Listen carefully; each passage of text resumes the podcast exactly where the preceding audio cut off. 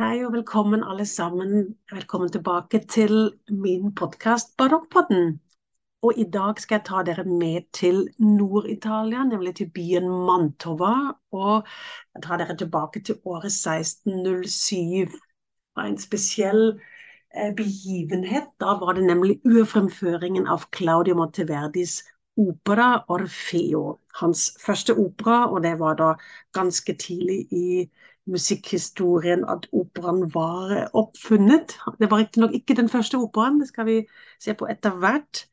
Um, men altså Orfeo, Orfeus, det er uh, historien, eller kanskje den gammelgreske myten om poeten eller musikeren Orfeo, eller Orfeus. På italiensk heter han Orfeo. Og han kunne så spille og synge så vakkert at han kunne fortrylle ville dyr, og um, kunne dem, fortrylle dem til, uh, til bekker, steiner eller trær.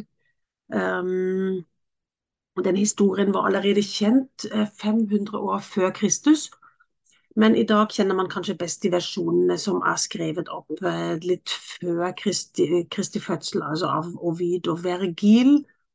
Uh, og Orfeus instrument var en lyre, det, de som ikke vet hva det er, det er en slags reiseharpe. Sånne små eh, harper som man kunne spille ved skulderen. Eh, men både hans instrumenter og hans egenskaper endret seg egentlig i fortellingen i løpet av århundret også. Men Orpheus og Eurydice er en av eh, de mest fortalte historiene eh, gjennom tidene. Og det er ganske Jeg syns det er ekstra interessant å se at det er den eh, nettopp denne Orfeo-myten knyttes så veldig tett til oppstarten av operasjangeren. Det virker som om den historien skal fortelles om og om igjen. Alle de første operaene handler nemlig om Orfeus. Um, det virker som om den, den historien da kunne, om, om, mannen, om musikeren, sangeren, som sang nettopp så fint at det umulige blir mulig. Den historien om musikkens kraft og makt, og om hans eget talent, og om, også om menneskets eh, styrke og store svakhet til slutt.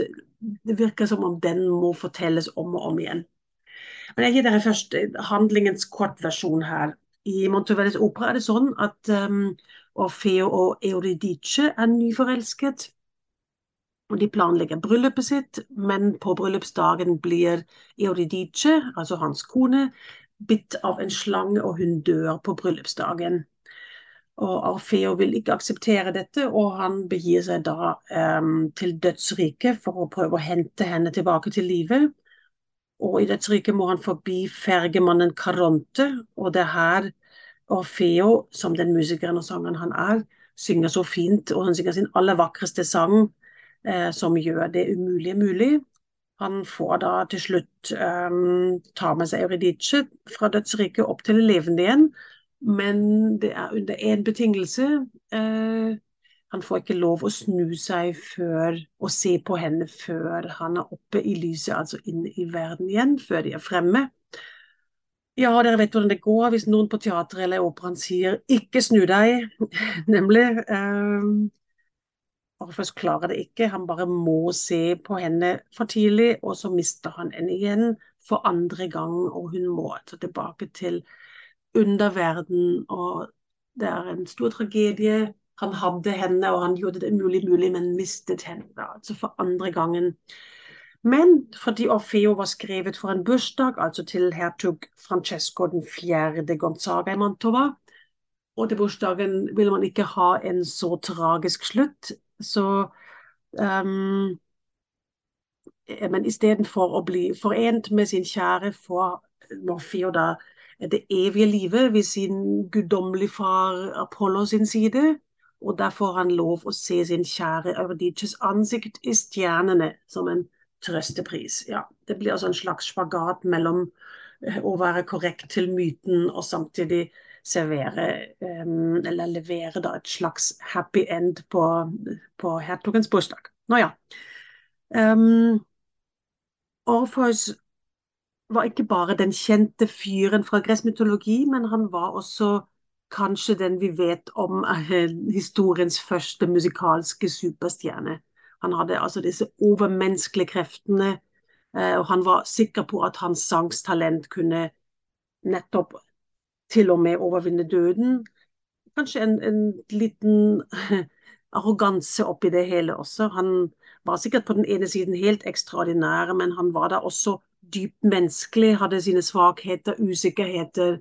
Kanskje den arrogansen at han trodde han skulle eh, kanskje våghals, var en våghals også, og skulle begi seg på en så spesiell uh, tripp til underverden, men det at han ikke kunne dy seg, eller at han uh, måtte se på henne til tross for um, forbudet, ja, det kan man si.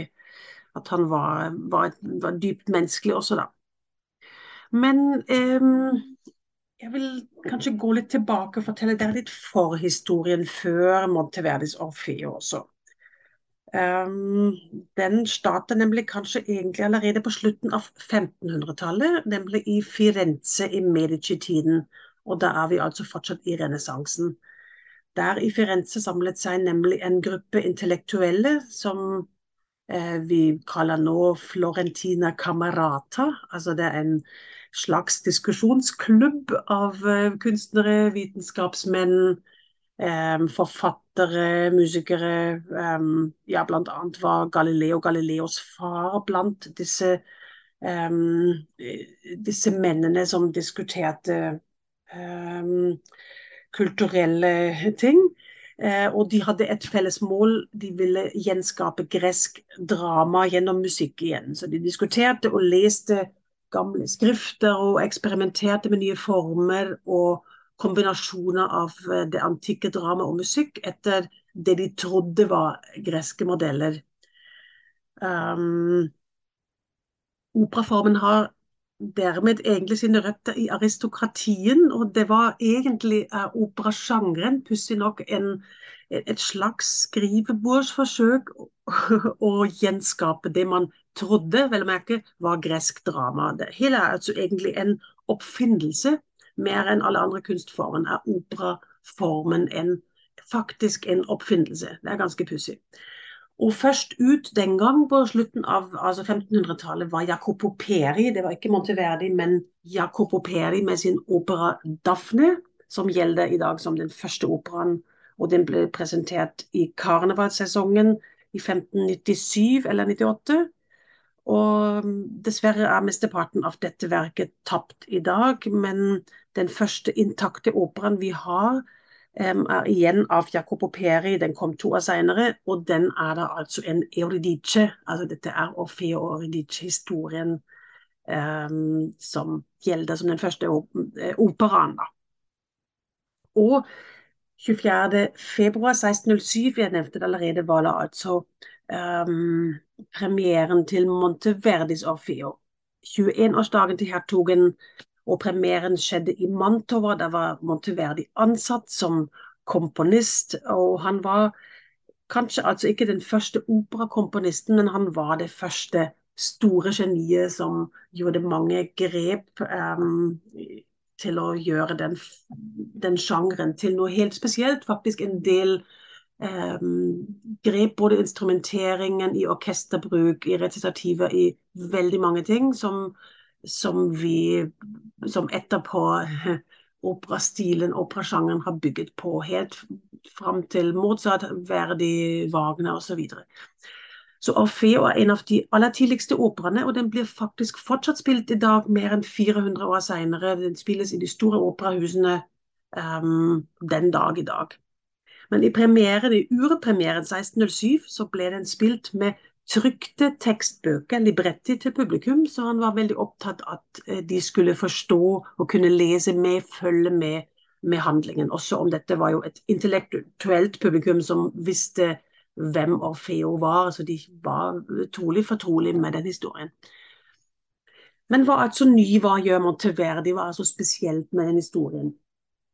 Um, han forteller altså den historien om Orfeus som klarer, med kraften av musikken, sin sang, å overtale gudene. Han strukturerer nå operaen i fem akter, og hver akt har en klar musikalsk arkitektur. Det er helt vanlig for seinere Mozart, Verdi har det også, men dette er helt ny. Noen var den første som tenkte den tanken at man måtte eh, sammenfatte en akt under et, um, en spenningsbue med et tema, med en um, ja, i en vorf, sier man på tysk.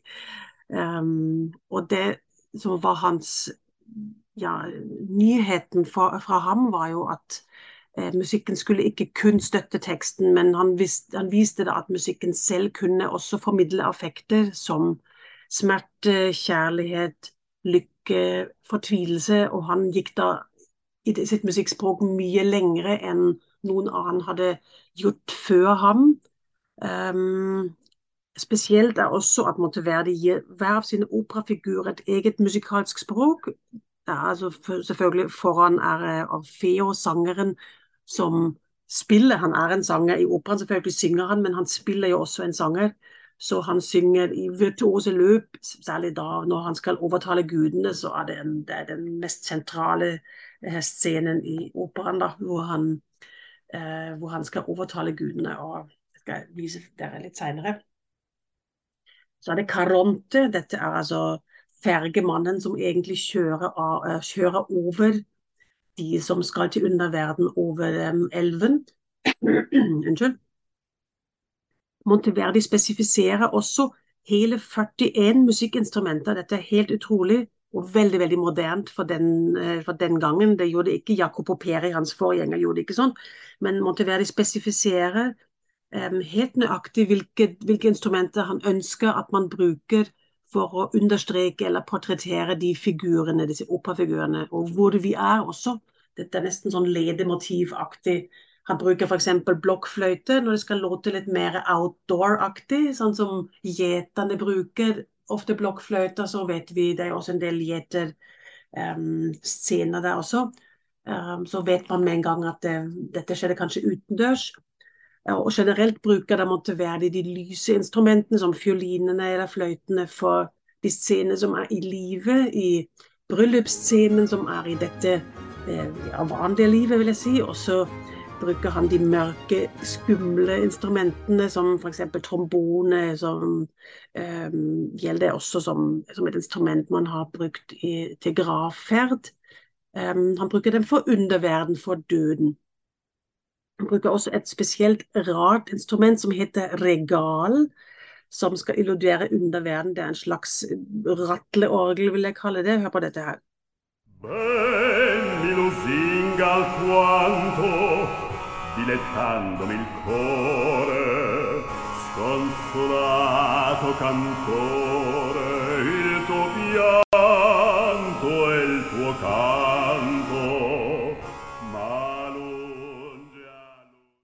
Orfeos selv har også eh, Det ble brukt en harpe.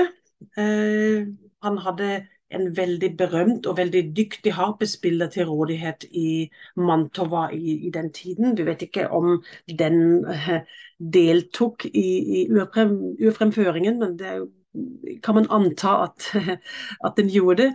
Så det Harpa Doppia var med og også ble brukt i de scenene noen ganger med Orfeo eh, orgel, Dette er disse instrumentene som, som de setter inn når Orfeo eh, synger. Og det er kanskje litt sånn leitmotiv over det hele, sånn som seinere i operahistorien Wagner har brukt. Um, Wagner, altså dette er da Senere på 1800-tallet er Wagner en mester i å, å, sette bestemte instrumenter til bestemte personer eller bestemte rytmiske motiver til bestemte personer, sånn at det blir nesten som en, uh, som en underskrift eller som en sånn vignette. da.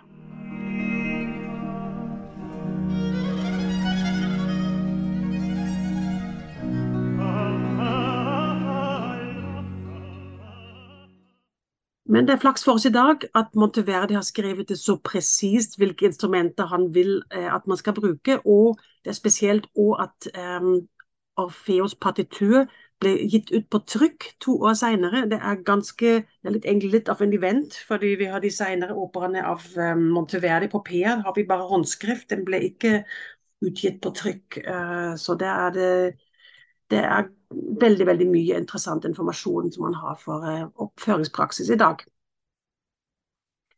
må snakke litt også om noe som heter seconda practica. Um, seconda, altså det er den andre praktika, praksisen. Den andre praksisen den er altså den nye etter renessansens strenge regler. Um, så Monteverdi satte den opp, og hans intensjon var um, var det at man ikke, kun, ikke bare skulle følge reglene, men han sier da at teksten skal være herskeren og ikke tjeneren til musikken. Jeg har kanskje nevnt det også i første podkasten allerede. Um, men her kommer vi altså litt i, til sakens kjerne. Og Tverdi han bruker altså mye mer dissonanse, og de er ofte uforberedte og veldig sjokkerende. Og han kan sette inn med dissonanse rett eh, på et nytt stykke, kan begynne rett med dissonanse. Dette er eh, totalt imot alle gjeldende musik, musik, musikalske sånn, satsregler som gjaldt den gang, og han sjokkerte veldig mange mennesker. Hør på dette.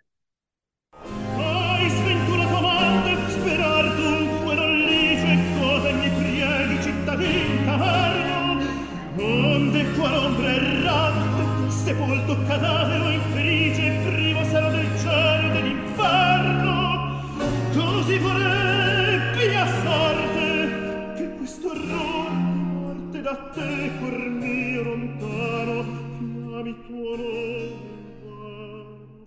Ny er også at um, Monteverdi utforsker teksten ekstra nøye og la altså musikken forsterke teksten, og han velger, som jeg sa, instrumentasjon som gjenspeiler, forsterker handlingen. Um, han er veldig opptatt også av affekter. Affekter er et sånt veldig barokt ord som jeg kommer ikke nevne ofte. Det er altså disse sinnsstemningene, eh, som f.eks. Eh, harmonien eller det gleden i bryllupet. Så her kommer eh, det, det, er glede i bryllupet, og så, så skjer det plutselig dør um, Eurydice, så disse affektene eh, krasjer i hverandre, kan man si. da, Så at det er en happy stemning, bryllupsstemning, og så plutselig er det den katastrofen som skjer. Så en annen effekt er disse smerter og klager i underverden, at det er, at det er en ja, en kjedsomhet også i underverden, hvor det ikke skjer eh, noen ting. Det er mørke, og det er ikke lysinstrumenter og sånn.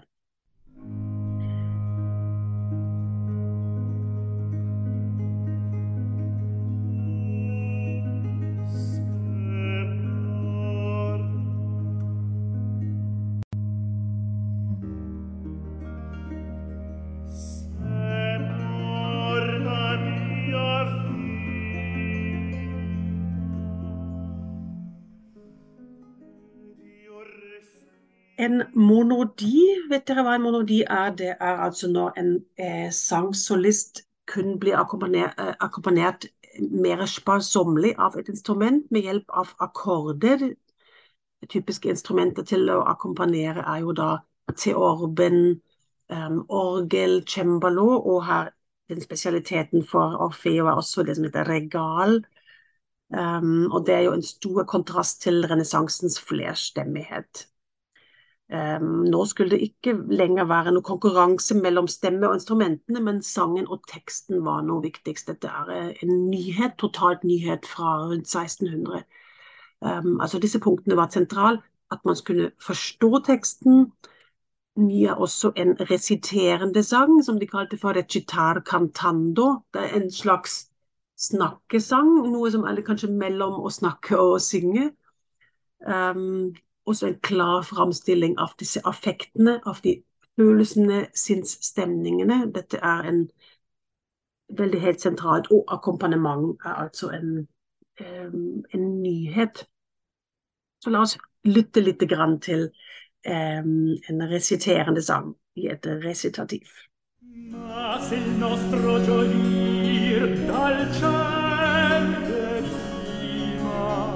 come dal ciel che qualcun incontra giustamente devoti offriamo incensi e voti Monteverdis Orfeo starter med denne fine tokkataen. Den er verdensberømt og blir fortsatt veldig ofte spilt. Den har fortsatt en, en fantastisk rojal og hoff... En, en, virkning som, uh, som gjør stor, uh, stort inntrykk. Og den hørte den gang til hoffet i Mantova og ble vanligvis spilt til forestillinger der. Og den samme toccaten står f.eks. også i staten av uh, Marievespene til, um, til, til Monteverdi, for den er skrevet til Mantova. Hør på den.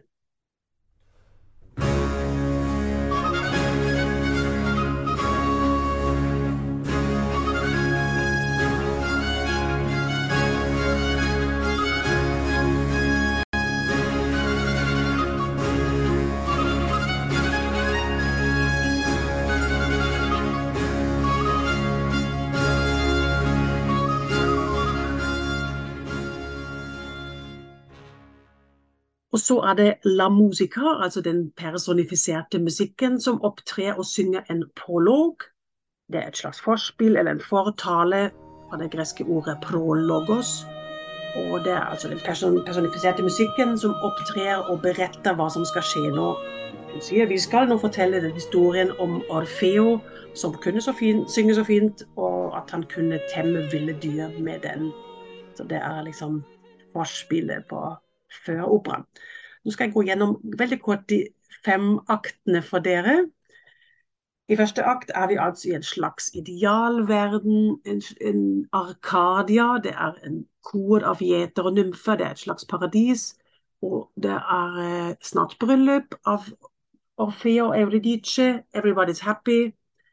Så her måtte Verdi bruke en del ritorneller. Det er også et viktig nytt ord for noen, kanskje det er korte instrumentale musikkstykker. Kanskje noe sånt som instrumentale refrenger, kan vi kalle de. Det er som mellom sangernes vers spiller eh, instrumenter disse små ritornello.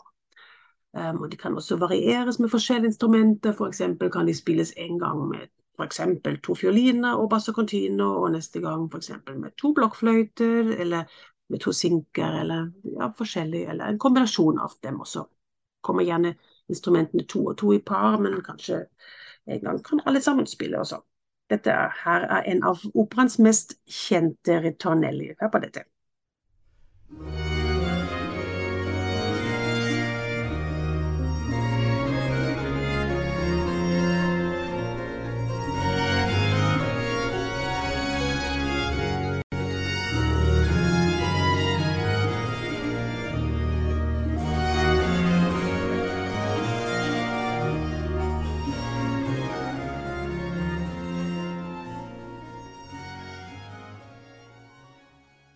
I andre akt blir det nå store kontraster.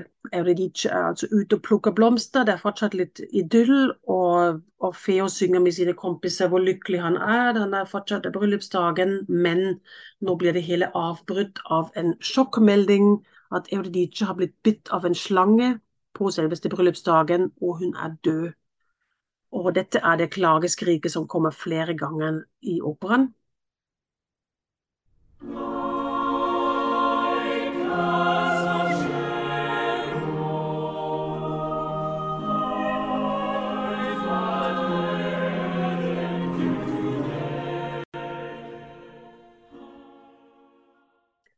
Og hør her nå hvordan eh, Orfeo reagerer.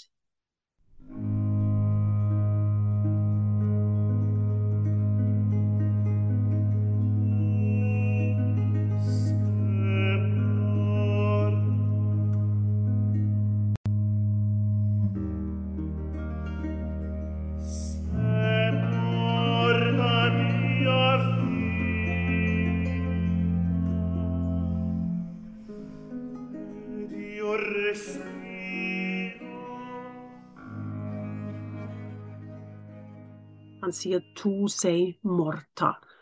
Du er død, sier han. Og der er det altså store kontraster nå. Fra, fra stor glede er det til stor sorg, til bunnløs sorg, til katastrofe. Og disse kontrastene Han synger om du er død, og jeg lever. Du er borte, og jeg er fortsatt her. Så disse um, Det er en um, barokk ting å være opptatt av kontraster. Ja, det er en, kanskje et uh, kjennetegn også. Så her Orfeo bestemmer seg um, til å gå ned til dødsriket for å hente Euridice tilbake til live, eller eventuelt være der med henne for evig tid hvis han ikke får lov til det. Så dette er kjærlighet. Tredje akt, da er det La Speranza. Eh, det er altså den personifiserte håpet. Eh, speranza Hope på italiensk. Hun ledsager Orfeo til underverden, og, men der må hun snu. Hun får ikke lov å gå videre enn til den porten her. Eh, og da treffer Orfeo til Caronte, sunget av en dyp bass. Dette er altså den nevnte fergemannen som kjører over til dødsriket. Og han er dypt skeptisk til Orfeo, han er mistroisk. Kanskje Orfeo har kriminelle hensikter. Um, og nå kommer altså den, den, mest sentrale scenen i Monteverdis Orfeo. Der trekker Orfeo alle registre av sin sangkunst, og dette er en av musikkhistoriens vakreste arier. Den heter Posente Posente Spirito. Og det er en lang arie full av supervirtuose vendinger, og den er full av lidenskap og inderlighet, og er en ganske stor utfordring for tenoren. Og jeg må også si at tenoren eh, altså, Tenorens ideal var kanskje litt annerledes til, i Monteverdis tid. Den hadde egentlig et ideal litt mer i middelleie i forhold til seinere, hvor en, en, tenor skulle ha topptone. Dere kjenner det kanskje fra Puccini og Verdi, hvor en tenor helst skal ha høy B og og, kan, skal ha, ligge på en måte høyere i tessitura. Men den gang en god tenor skulle ha en jo bra høyde, men også god dybde. Så ekstremer skulle man egentlig unngå. Han skulle være moderat på alle måter. Um, og denne rollen av Orfeo i, i, i denne operaen er uh, en stor rolle, veldig utfordrende. Han er nesten konstant på scenen. Han har bravurarier, og han har dype toner, han har høye toner. Han har fortvilelsespartier og veldig innsmigrende partier. Um, så det er annerledes i Verdis tid, hvor det, hvor det var en andre krav til en tenor. da. Um, og Caronte blir faktisk rørt av denne arien, men han gir ikke etter fordi det ikke passer seg. Men endelig, når han sover, så eh, tar Orfeo saken i sine egne hender og setter selv over med Korontes båt over til dødsriket. Nå kan dere høre litt på Orfeos store arie på Sente Spirito.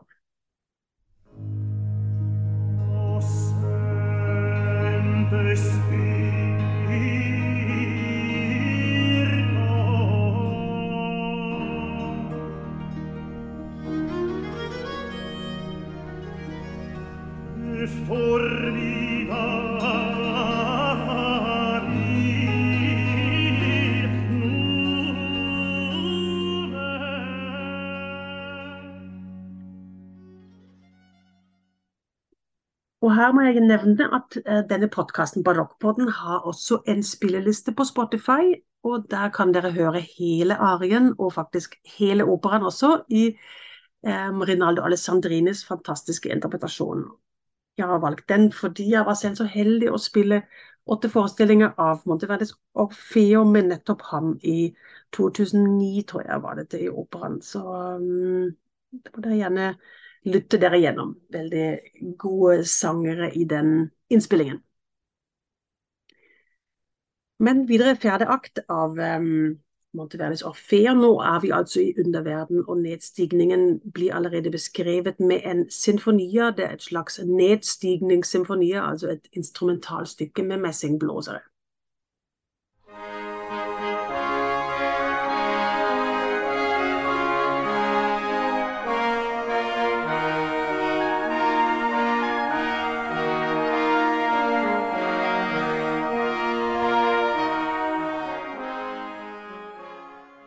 Her er det Prosperina, det er underverdens, underverdens gudinne, som føler med Orfeo, og hun ber Pluto, det er underverdens gud, om nåde på vegne av Orfeo, og til slutt innvilger Pluto.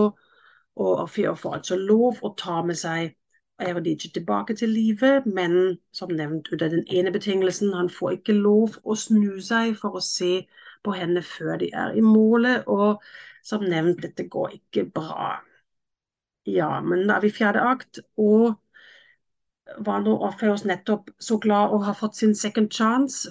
Um, så um, For å så miste sin kjære for andre gang, så ser vi ham nå altså i femte akt i en scene hvor han er dypt ulykkelig. Um, ikke bare over Euridice, men han fordømmer da altså alle verdens kvinner i samme slengen også. Og det er i dette momentet hans far Apollo griper inn, og i ufremføring kommer Apollo da ned fra en sky. Det er litt sånn Deus ex machina, er ikke det man sier? Og han eh, gir ham da hjelp til selvhjelp, og han formaner at eh, Orfeus kanskje har vært overmodig og har nødt lykken for mye. Han måtte da vite at de jordiske gledene ikke kunne vare evig. Nå ja, Orfeus blir bedt opp til himmelen og får lov å nyte udødeligheten, og da får han altså lov å skue Eurydices bilde i stjernene. Um, og Orfeo bestemmer seg altså for å bli en verdig sønn for Apollo, og han slår til på dette tilbudet mens begge synger superhøy virtuose koloratorer. Hør på dette.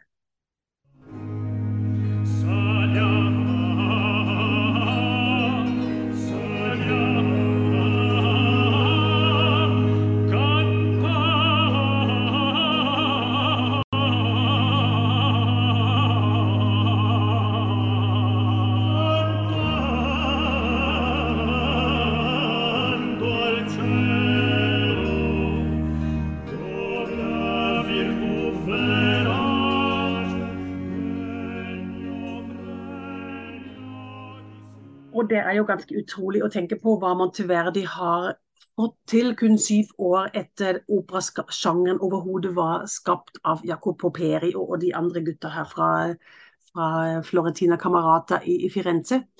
Um, han har allerede, Monteverdi altså har strammet handlingen vesentlig. Han um, har gjort Eh, mye mer drama ut av den samme historien i forhold til Peri. da.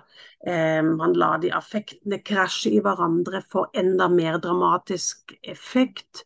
Eh, man må også si at librettoen av Alessandro Striggio er bedre bygget opp. Det er knappere scene, mer komprimert, og han bruker også eh, en del eh, kjappere noteverdier. Så um, ja, alt i alt er jo musikken mer beskrivende, og personene blir bedre portrettert, så vi vet hele tiden bedre hvem de egentlig er, og hvorfor de handler som, som de gjør, og hva de vil egentlig. Så her får man til Verdi, kan vi si, en uttelling eh, for all sin årelange madrigalskriving.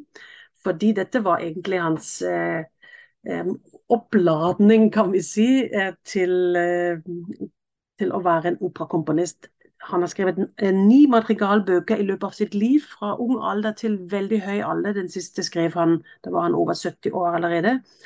Og disse var hans eksperimenteringsfelt nettopp i overgangen mellom renessanse og, og, barokken. Og hvis dere har lyst å, å, høre etter de, så vil jeg gjerne jeg kanskje legge noe av det også på, eh, på spillelisten til, til Barokkpodden hvis man begynner å lytte på madrigalbok nummer én, og lytter den helt gjennom til niende bok, så kan man egentlig følge med at det er um, hvordan stilen endrer seg fra renessansen, og på slutten er det en akkompagnerende stil, og plutselig er det en barokkstil. Så det er ganske, ganske interessant. Men um, ja, vi er nesten på slutten av uh, denne episoden her om den første store operaen i i musikkhistorien. Men jeg kan kanskje på slutten også nevne lite grann at det er eh, altså den første eh, av første opera, 'Orfeo', var jo skrevet for et aristokratisk publikum, og et lukket, var en lukket forestilling egentlig til hertugens bursdag. Men eh, ikke lenge etter, altså 1637, skjedde det i Venezia at eh, det åpnet det første offentlige operahus hvor folk kunne kjøpe billetter og kunne um, Det var et åpent hus som man kunne, altså, hvor alle kunne gå til. Og dette er en milepæl i musikkhistorien. Det førte selvfølgelig også en del ting med seg. Man måtte tjene penger med forestillinger, man måtte gjøre dem forståelig og relevant for andre sjiktet enn en aristokratien også.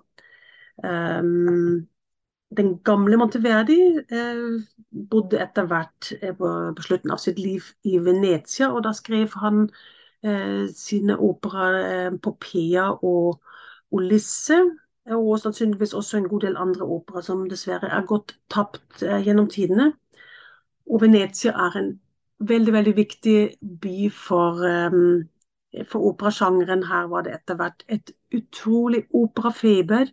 Og helt uh, fram til året 1700 ble det produsert hele 400, kan dere tenke dere, 400 produksjoner bare i Venezia.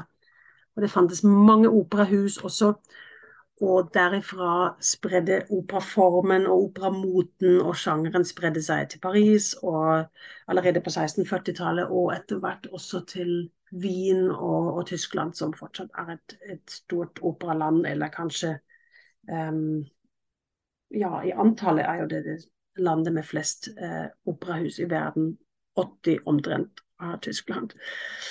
Jo, and the rest is history. Men det hele startet altså med denne fantastiske mannen fra Cremona, riktig mann til riktig tid, Claudio Monteverdi.